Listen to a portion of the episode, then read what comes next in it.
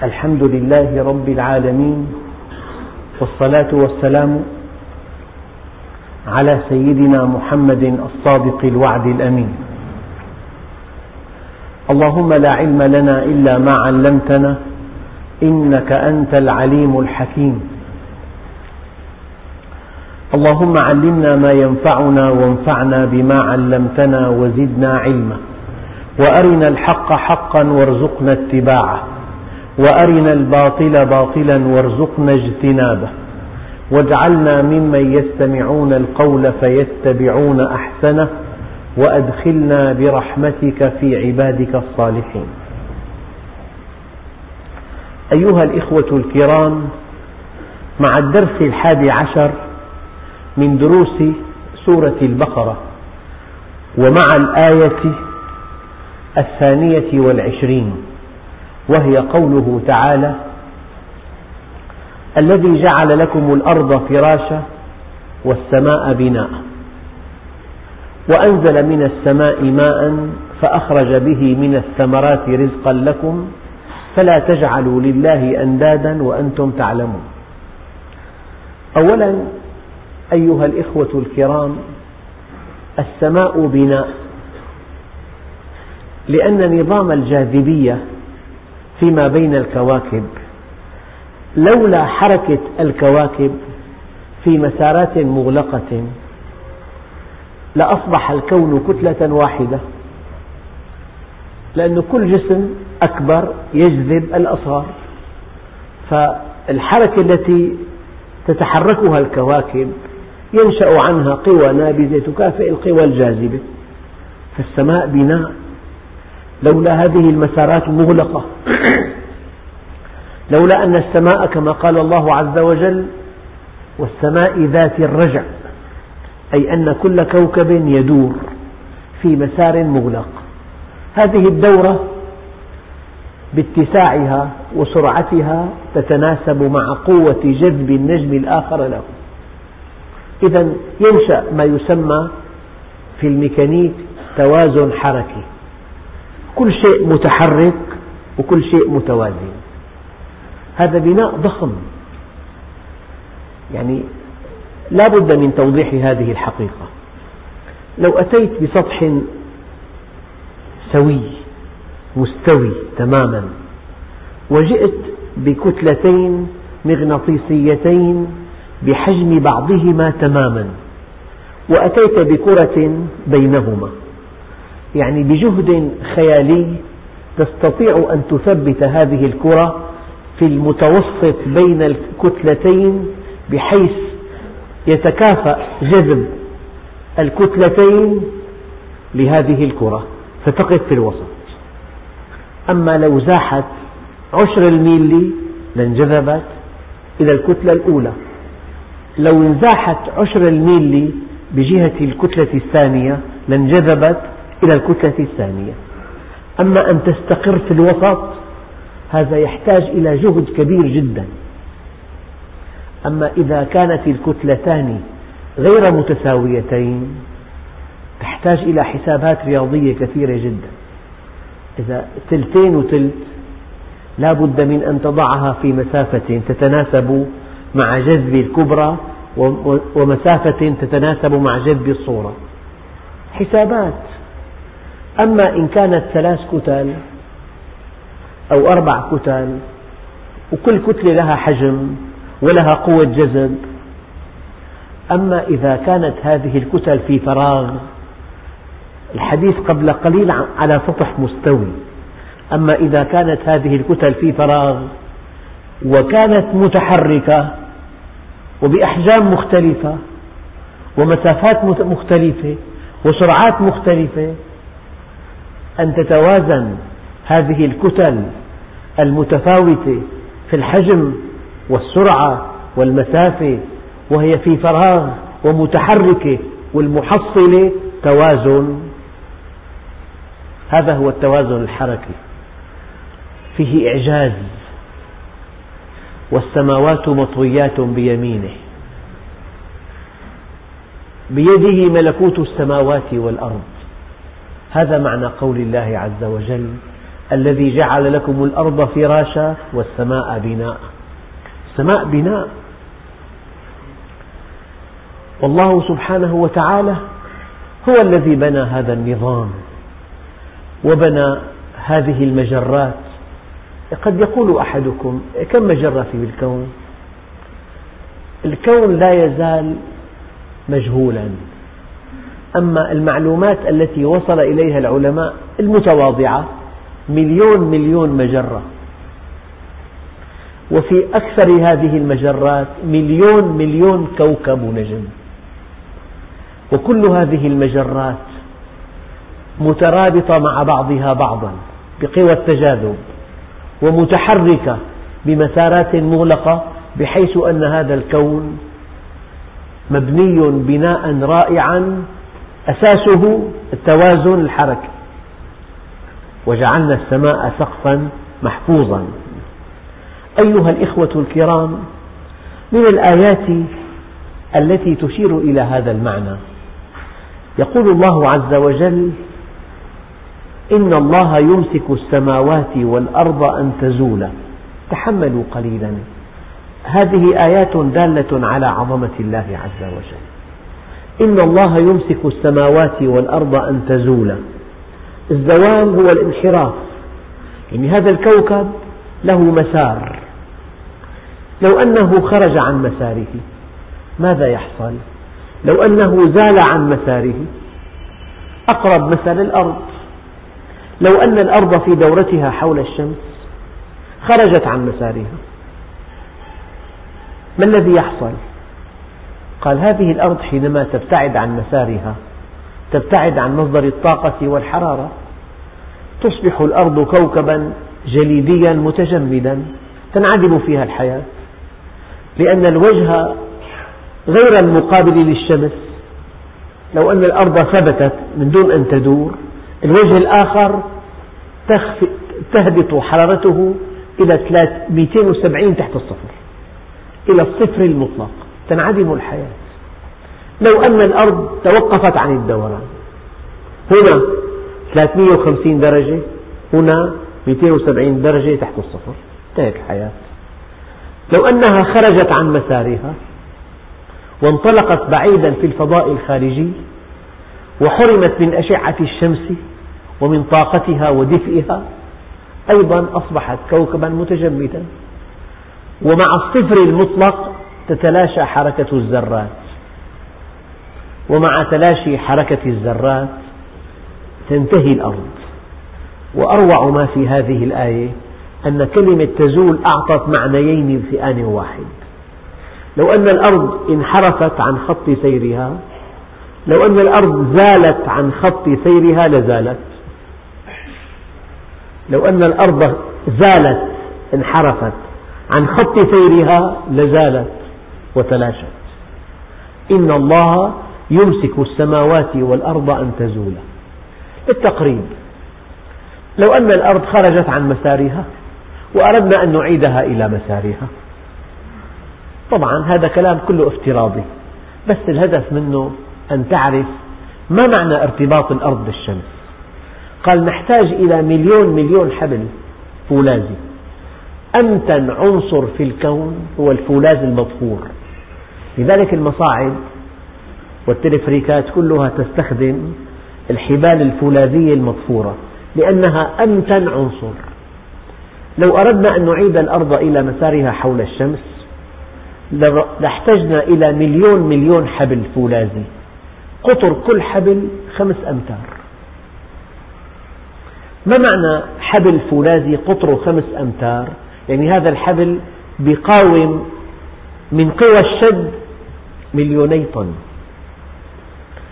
ملخص الكلام أن الأرض مرتبطة بالشمس بقوة جذب تساوي مليون مليون ضرب مليونين طن. هذا معنى قوله تعالى إن الله يمسك السماوات والأرض أن تزولا. لو أنها خرجت عن سيرها لزالت. وتلاشت. الأرض مربوطة بقوة جذب تساوي مليونين ضرب مليون مليون طن. كل هذه القوة قال من أجل أن تزيح الأرض عن مسار مستقيم ثلاثة ميلي كل ثانية. ثلاثة ميلي. من ثلاثة ميلي كل ثانية ينشأ مسار مغلق حول الأرض.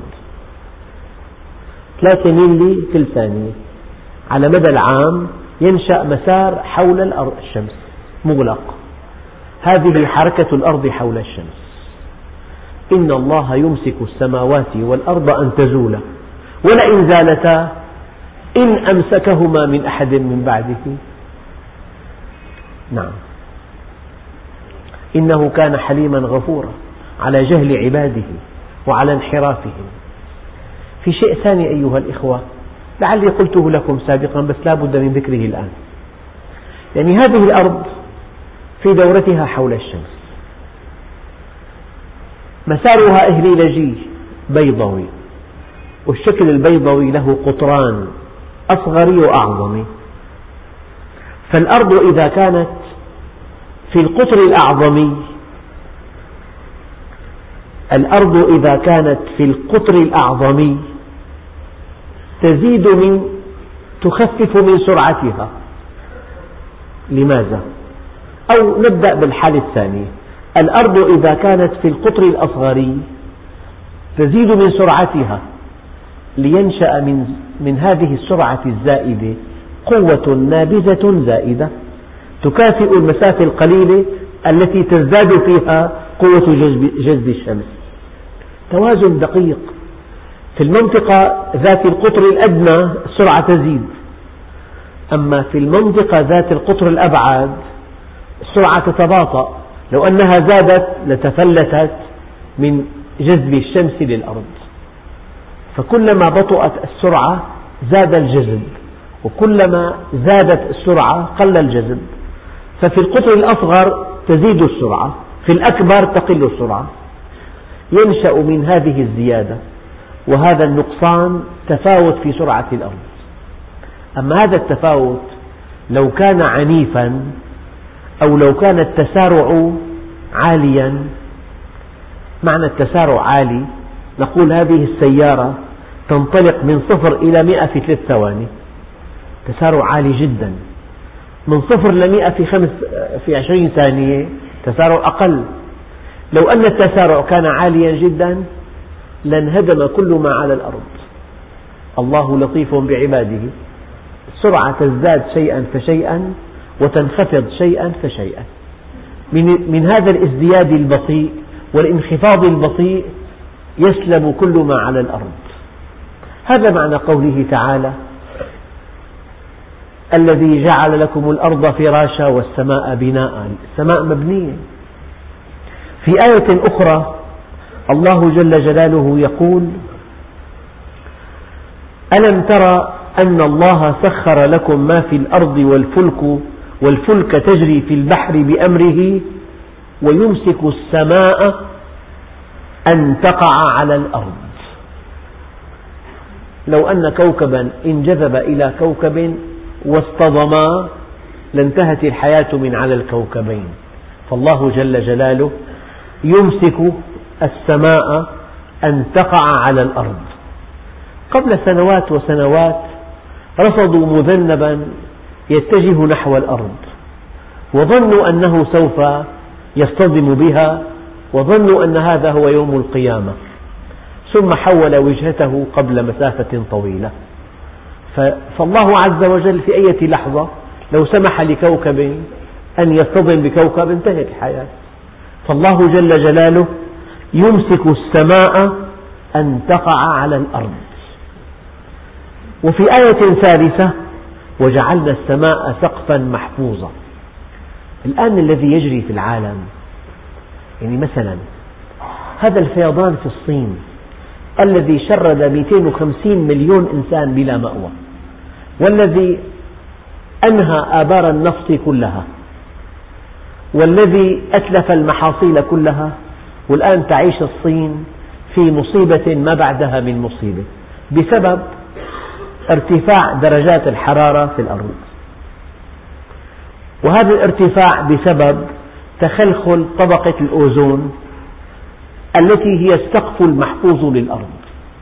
والسبب أن الإنسان حينما تعلم ولم يوازي علمه دينه فغير خلق الله عز وجل. قال تعالى يغيرون خلق الله.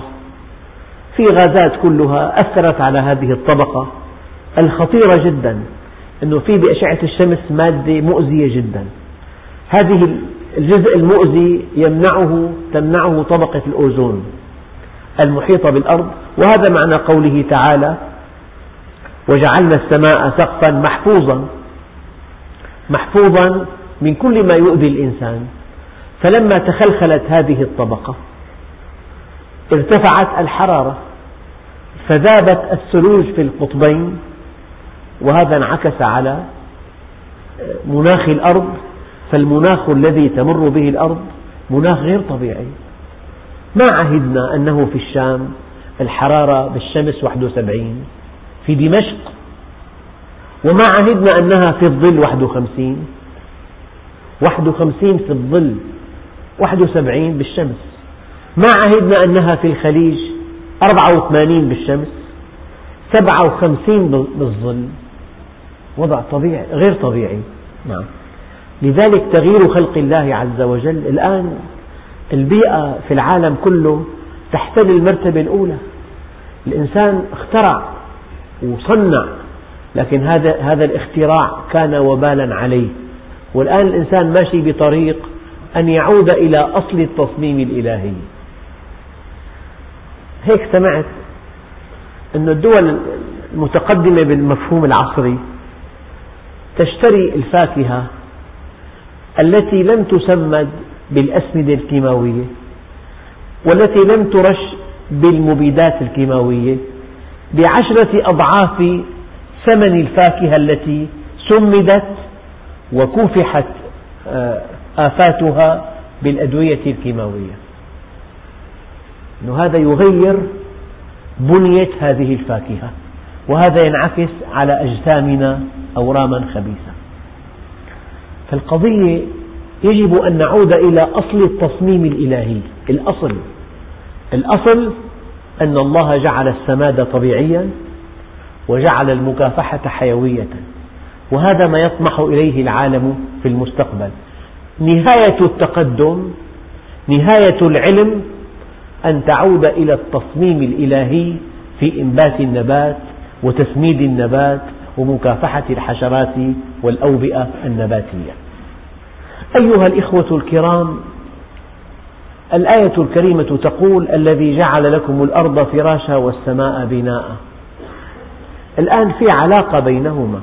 وأنزل من السماء ماء فأخرج به من الثمرات رزقا لكم. لحكمة إلهية جعل الله رزق الإنسان في الأمطار. الأمطار وحدها آية من آيات الله الدالة على عظمته. آية تقول هذه البحار من أين جاءت؟ يعني سمعت أن مرصدا عملاقا في أوروبا. يستخدم الأشعة فوق البنفسجية. في كشف المراصد. اكتشفوا سحابة كونية. سحابة واحدة. من بين آلاف السحب. هذه السحابة تستطيع أن تملأ البحار كلها ستين مرة في يوم واحد. بالماء العذب. فكل من يقول أن الرزق محدد وفي أزمة مياه بالعالم وفي أزمة رزق بالعالم إن الله هو الرزاق ذو القوة المتين. ودائما ربنا حينما يقنن يقنن تقنين تأديب ولا يقنن تقنين عجز. ولو بسط الله الرزق لعباده لبغوا في الأرض ولكن ينزل بقدر ما يشاء. فالحديث عن السماء وكيف أنها بناء حديث دقيق جدا. السماء بناء بكل معنى الكلمة. يعني ذكرت مرة أن الإنسان لو أراد أن يصل إلى نجم إلى أقرب نجم ملتهب إلى الأرض. نحن حولنا كواكب منطفئة. الكوكب القمر منطفئ. المريخ منطفئ. أما إذا أردنا أن نصل إلى أقرب نجم ملتهب. العلماء قالوا ابعده عنا أربع سنوات ضوئية. بحساب بسيط جدا. الضوء يقطع في الثانية 300 ألف كيلومتر. ضرب 60 في الدقيقة ضرب 60 بالساعة ضرب 24 باليوم. ضرب 365 بالسنة ضرب أربعة أربع سنوات. هذا الرقم سهل أنتم اليوم يساوي عشرة 300 اترك الصفار مبدئيا. هو 300 ألف. ضرب 60 ضرب 6 حد ضرب 6 ضرب 24 ضرب 365 بعدين ضيف الأصفار المحذوفة. يطلع معك رقم.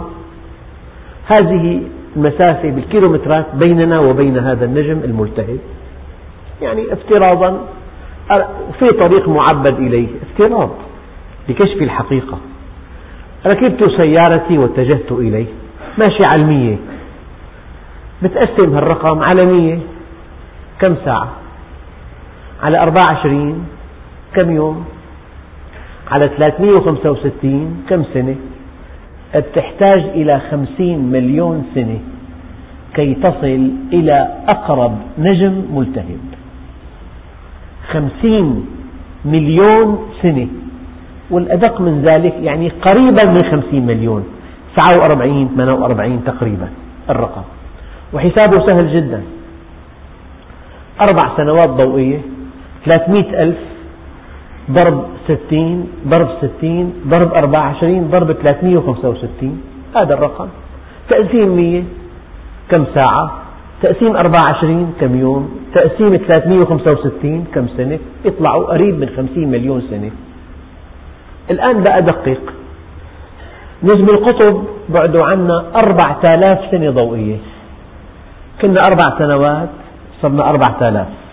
نجم القطب.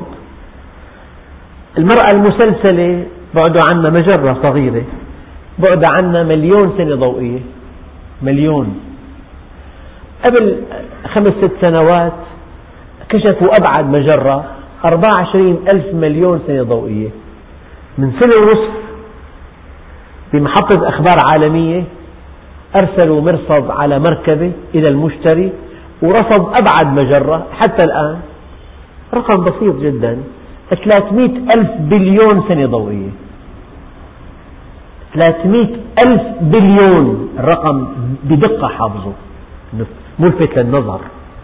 300 ألف بليون سنة ضوئية. نحن على أربع سنوات بدنا 50 مليون سنة لنصل على 300 ألف بليون فلا أقسم بمواقع النجوم وإنه لقسم لو تعلمون عظيم. وإنه لقسم لو تعلمون لأنه إنما يخشى الله من عباده العلماء. وكلمة إنما كلمة إنما تعني أن العلماء وحدهم ولا أحد سواهم يخشون الله. إنما الخشية محصورة في العلماء. طبعا مطلق العلماء. أي إنسان؟ أحد أكبر علماء الفيزياء يقول كل إنسان لا يرى من هذا الكون قوة هي أقوى ما تكون عليمة هي أعلم ما تكون رحيمة هي أحكم أرحم ما تكون حكيمة هي أحكم ما تكون. هو إنسان حي ولكنه ميت. أخواننا الكرام والله الذي لا إله إلا هو. والذي لا يعرف الله عز وجل. والله كالدابة تماما. مثل الذين حملوا التوراة ثم لم يحملوها كمثل الحمار يحمل أسفارا هذه الحقيقة إنهم كالأنعام بل هم أضلوا سبيلا. أموات غير أحياء. فلا بد من أن نعرف الله. معرفة الله علة وجودنا. معرفة الله تسمو بنا. معرفة الله تسعدنا. معرفة الله تحقق الهدف من وجودنا. معرفة الله تفضي بنا إلى الجنة. وهذا هو الأصل. الشمس ترونها جميعا حجمها بالدقة يزيد عن حجم الأرض بمليون وثلاثمئة ألف مرة. يعني لو, لو وضعنا في الشمس مليون وثلاثمئة أرض من أراضينا لوسعت كل هذا العدد. هذا طيب بين الأرض والشمس 156 مليون كيلومتر. يقطعها الضوء في ثمان دقائق. نجم صغير أحمر اللون اسمه قلب العقرب في برج العقرب لما ربنا قال والسماء ذات البروج.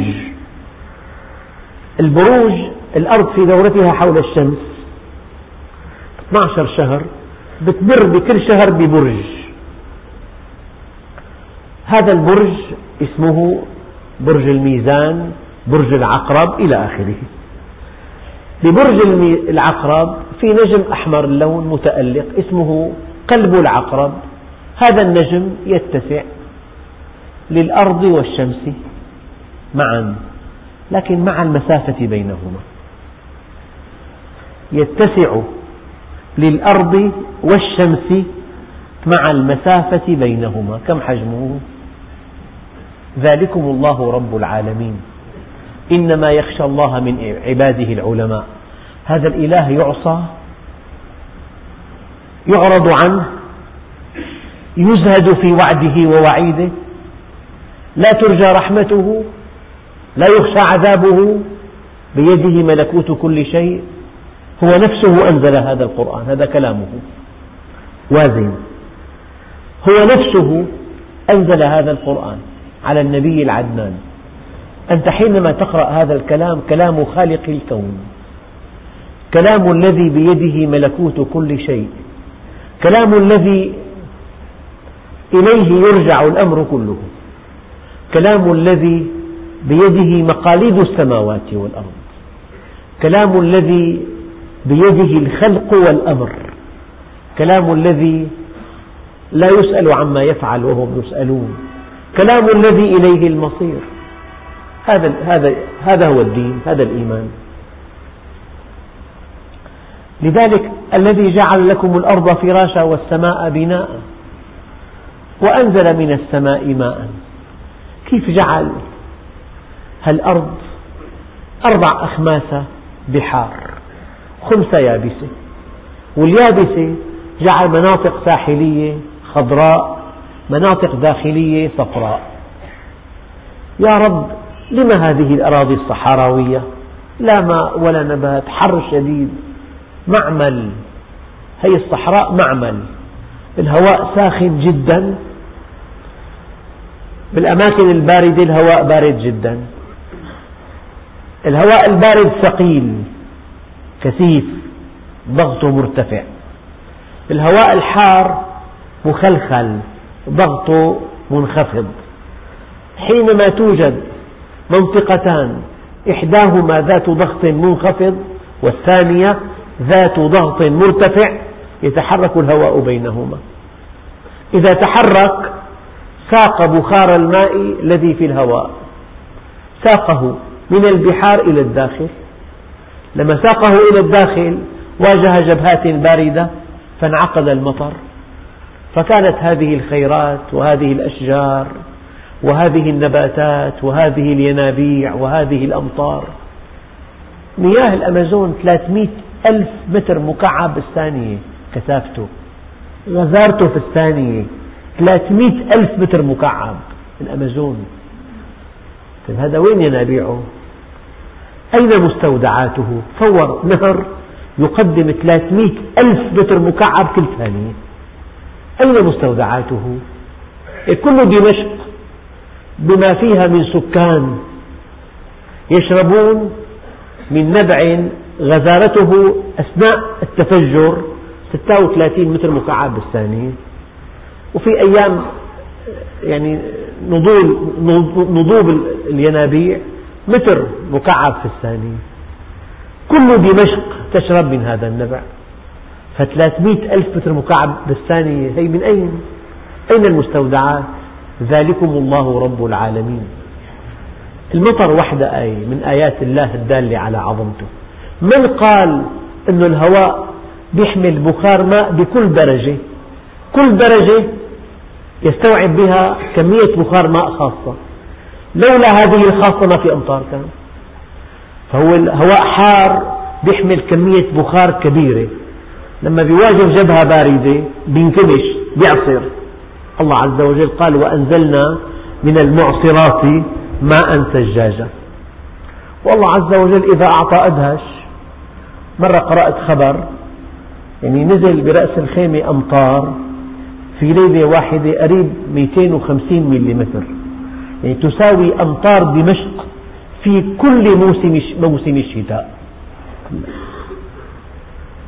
إذا أعطى أدهش والله عز وجل كل شيء يكون رحمة ويكون عذاب. كل شيء. الرياح نعمة. أما الريح ريح صرصر تأخذ كل شيء. لا تبقي شيئا الأعاصير. فالماء قد نغرق بالماء كما هي الحال في الصين وقد ننتعش بالماء. وهكذا كل شيء. وأنزل من السماء ماء فأخرج به من الثمرات رزقا لكم. هذا موسم فواكه. الإنسان بيأكل كل يوم. يعني خطر في بالك أنه هي البطيخة مين صنعها؟ مين صممها؟ بها الحجم أساسها بذرة واحدة.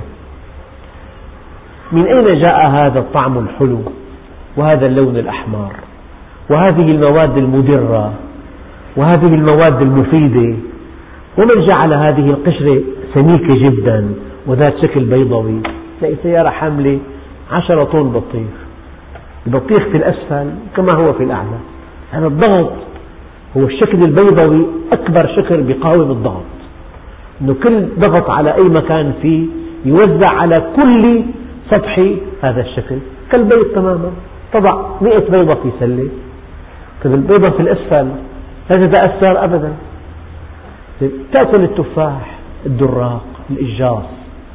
الفاكهة لها طعم؟ لها شكل لها قشرة خاصة لها لون لها مكونات لها آه، يعني قوام. من جعل قوامها ومكوناتها وطعمها؟ وشكلها ولونها يشتهيه الإنسان. الذي جعل لكم الأرض فراشا والسماء بناء وأنزل من السماء ماء فأخرج به من الثمرات رزقا لكم. لكم لكم خصيصا لكم. قد تدعى إلى وليمة. أنت ضيف الشرف. كل هذا الطعام صنع من أجلك أيها الإنسان. قد يترك الباب طارق. ضيف زائر. تفضل. تفضل وكل. لكن هذا الطعام لم يصنع لهذا الطارق الضيف الطارئ صنع لضيف الشرف. يجب أن تعلم علم اليقين أن كل شيء خلقه الله عز وجل. خلقه خصيصا لك. خصيصا لك. هذا يستفاد من قوله تعالى لكم. والأنعام خلقها لكم. وذللناها لكم. الحيوانات الأليفة سبحان الله جمل وزنه ثلاثة طن يقوده طفل صغير لا يخاف منه. لكن والد هذا الطفل يخرج من جلده إذا رأى عقربا صغيرا. عقرب صغير هذا غير أليف. ترى طائر وديع تشتهي أن تضمه. الجرز بنفس الشكل والانسياب لا تتحمل أن ترى منظره. طيب من صمم هذا الحيوان محبب؟ هذا غير محبب. هذا أليف؟ هذا غير أليف. الغنمة الأفلام مثل الغنمة لو ركب الله فيها طباع الضبع من يجرؤ أن يشتري غنمة ليذبحها في العيد؟ يقول لك انضبعنا فيها. فلان مضبوع يعني خايف. من الضبع مأخوذة من الضبع. شوف وذللناها لكم. والأنعام خلقها لكم. اتبع كلمة لكم في القرآن. كله مسخر لك. أبدا. من أجل أن تعرفه من أجل أن تعبده من أجل أن تسعد بقربه. وأنزل من السماء ماء فأخرج به من الثمرات رزقا لكم. الفواكه تكريم للإنسان. كرز مشمش تفاح دراق إجاص بطيخ. البطيخ أنواع منوعة تفاح أنواع منوعة العنب أنواع منوعة أنواع لا يعلم عددها إلا الله. كلها مصممة من أجل أن تأكلها وأن تعرف الله من خلالها. رزقا لكم فلا تجعلوا لله أندادا وأنتم تعلمون. طبعا لا أحد يقول أن في إله آخر خلق. أما أنت حينما تخضع لإنسان جعلته ندا لله. ذكرت مرة أنه ودققوا في هذا الكلام. من أطاع مخلوقا وعصى خالقه. فهو ما قال الله أكبر ولا مرة. ولو رددها بلسانه ألف مرة. لأنه في الأساس أطاع الأقوى في نظره. جعله ندا لله. وفي أشخاص يجعلون فتنة الناس كعذاب الله. إذا إنسان قوي هدده بيعصي الله يشرب خمر حتى يخلص من شره مثلا. أنت جعلت عذابه كعذاب الله. نعم. فحينما تعصي مخلوقا تطيع مخلوقا وتعصي خالقا. فأنت لم تقل الله أكبر ولا مرة ولو رددتها بلسانك ألف مرة. كلام دقيقة لأنك أطعت الأقوى في تصورك. أطعت الأكثر فعالية في تصورك. الآن من لم يقم الإسلام في بيته إرضاء لأهله ولأولاده فهو ما قال الله أكبر ولا مرة ولو رددها بلسانه ألف مرة.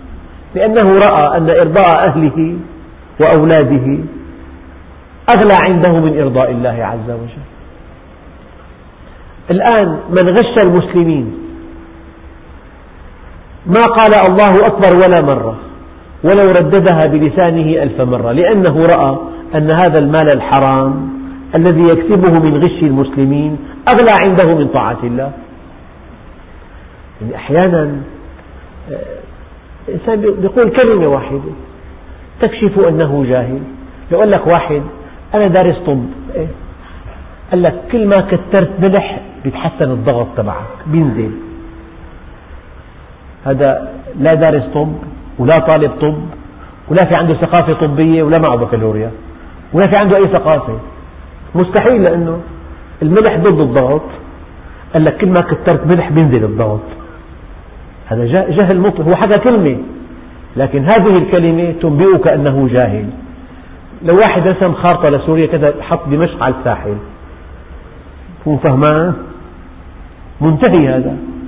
يعني في غلطة بكثرة فالإنسان لما يطيع مخلوق ويعصي الخالق هذه غلطة كبيرة جدا. لذلك الكلمة التي أقولها دائما لما الإنسان يأكل مال حرام أقول هو لا يعرف الله. لو عرف أن الله لا بد من أن يحاسبه ولا بد من أن يدفع ثمن باهظا. ما عصى الله عز وجل؟ الذي يعتدي على أموال الآخرين الذي يعتدي على أعراضهم الذي يقيم الشقاق بينهم النمام المغتاب. هؤلاء جميعا ما عرفوا الله. لو عرفوا الله لوقفوا عند حدودهم. فلا تجعلوا لله أندادا وأنتم تعلمون.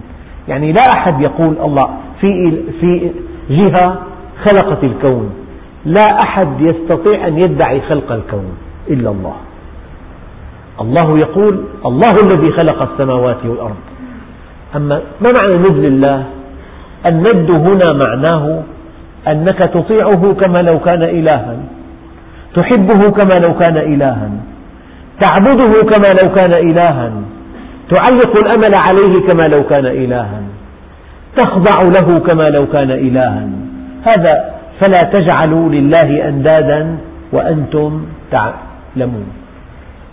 أيها الإخوة الكرام على موضوع بمناسبة قوله تعالى فلا تجعلوا لله أندادا وأنتم تعلمون أن هؤلاء لم يخلقوكم ولم يرزقوكم. ولا يملكون نفعكم ولا ضركم ومع ذلك تتخذونهم أنداد. وهذه مشكلة كبيرة في العالم الإسلامي. الناس يعبد بعضهم بعضا. يقول الله عز وجل ومن الناس من يتخذ من دون الله أندادا يحبونهم كحب الله. أن تتخذ ندا لله أي أن تحبه كحب الله. أن تخافه كما تخاف الله. أن ترجوه كما ترجو الله. أن تعلق عليه الأمل كما تعلق الأمل على الله عز وجل. يحبونهم كحب الله. والذين آمنوا الصادقين أشد حبا لله. ولو يرى الذين ظلموا يعني ظلموا أنفسهم حينما أحبوا أندادهم كحب الله. ولو يرى الذين ظلموا إذ يرون العذاب أن القوة لله جميعا. الذي ينبغي أن يحب هو الله وحده لأنه أصل الكمال وأصل النوال العطاء وأصل الجمال. الذي ينبغي أن تحبه وحده هو الله. ولو يرى الذين ظلموا إذ يرون العذاب أن القوة لله جميعا وأن الله شديد العقاب. وإذا مس الإنسان ضر دعا ربه منيبا إليه. ثم إذا خوله نعمة منه نسي ما كان يدعو إليه من قبل وجعل لله أندادا. يعني يمرض ابنه مرضا شديدا يأخذه إلى طبيب. هذا الطبيب بتوفيق الله يلهم تشخيص المرض الدقيق ويلهم وصف الدواء المناسب فيشفى هذا الابن.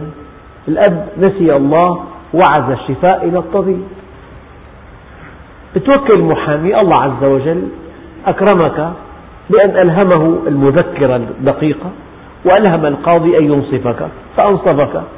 تعزو نجاح الدعوة إلى هذا المحامي وذاك القاضي. لذلك قال تعالى ثم إذا خوله نعمة منه نسي ما كان يدعو إليه من قبل وجعل لله أندادا ليضل عن سبيله. قل تمتع بكفرك قليلا إنك من أصحاب النار. وإذا مس الإنسان الضر دعانا لجنبه أو قاعدا أو قائما. فلما كشفنا عنه ضره مر كأن لم يدعنا إلى ضر مسه. كذلك زين للمسرفين ما كانوا يعملون. فهذه الآية فلا تجعلوا لله أندادا وأنتم تعلمون. إذا الإنسان عزى الأمور إلى قوته أو إلى حكمته أو إلى علمه أو إلى قوة الآخرين وعلم الآخرين فقد أشرك. لا ينبغي أن ترى مع الله أحدا. هذه الآية أيها الإخوة من الآيات الدقيقة التي تبين أن الشرك الخفي هو أن ترى مع الله أحدا أن تتخذ من دون الله أندادا. تحبهم كما ينبغي أن تحب الله عز وجل. والحمد لله رب العالمين.